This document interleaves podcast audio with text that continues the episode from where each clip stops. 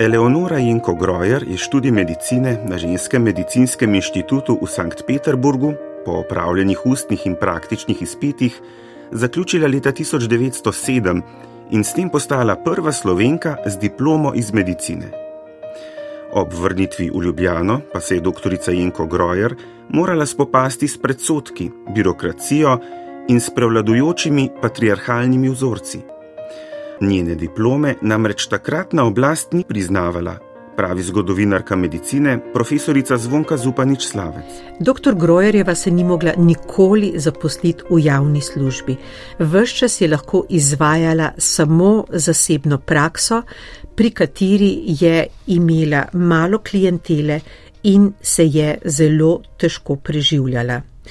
Zato je v reviji Ženski svet, glasilu ženskih društev, objavljala različne prosvetiteljske članke, predvsem med leti 30 in 35, saj so bili honorirani o sončenju, o negi kože, o razvojni dobi otroka, o prekladanju bolnika pri preležaninah, recimo o tuberkulozi, seveda, ženski v poklicu in zdravstvenih vidikih tega in podobno.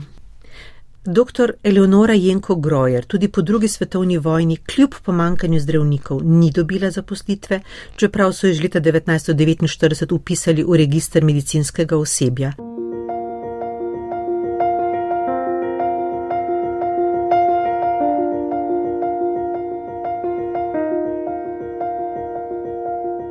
Prva slovenska zdravnica, dr. Eleonora Jenko Grojer, se je rodila leta 1879 v Ljubljani. Njen oče, dr. Ljudevit Jenko, je bil po rodu Ljubljančan, njena mati Terezija pa je bila doma iz Laurice. Imela sta štiri otroke, Eleonora je bila njuna prvorojenka. Med boleznimi je v tistem času prevladovala tuberkuloza, razširjena je bila podhranjenost, veliko je bilo primerov rahitisa.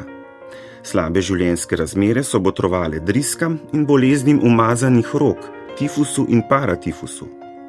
Otroci so obolevali in umirali za davico, škrlatinko, oslovskim kašljem, otroško paralizo. Profesorica Zupanič Slavec. Ker kljub permanentnemu delu znotraj pogojev, ki so jih zastavljale javne ustanove, dr. Grojerjeva ni mogla dočakati pokojnine, pri kateri bi lahko spodobno živela, je leta 1953 ljudski skupščini Ljudske republike Slovenije naslovila vlogo za socialno podporo v njeni starosti in je pri tem argumentirala, da je v dobi okupacije pomagala osvobodilni fronti, da je darovala inštrumente, obvezilni material, zdravila za partizane, da je nudila brezplačno zdravniško pomoč rodbinam, ki so imele svoje rednike v internaciji in po taboriščih, ter je tudi brezplačno zdravila in darovala zdravila povratnikom iz internacije, ki so bolni prihajali domov.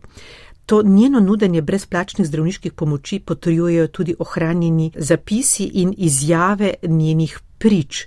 Tako da vidimo, da je celo na koncu beračila za to, da je lahko preživela.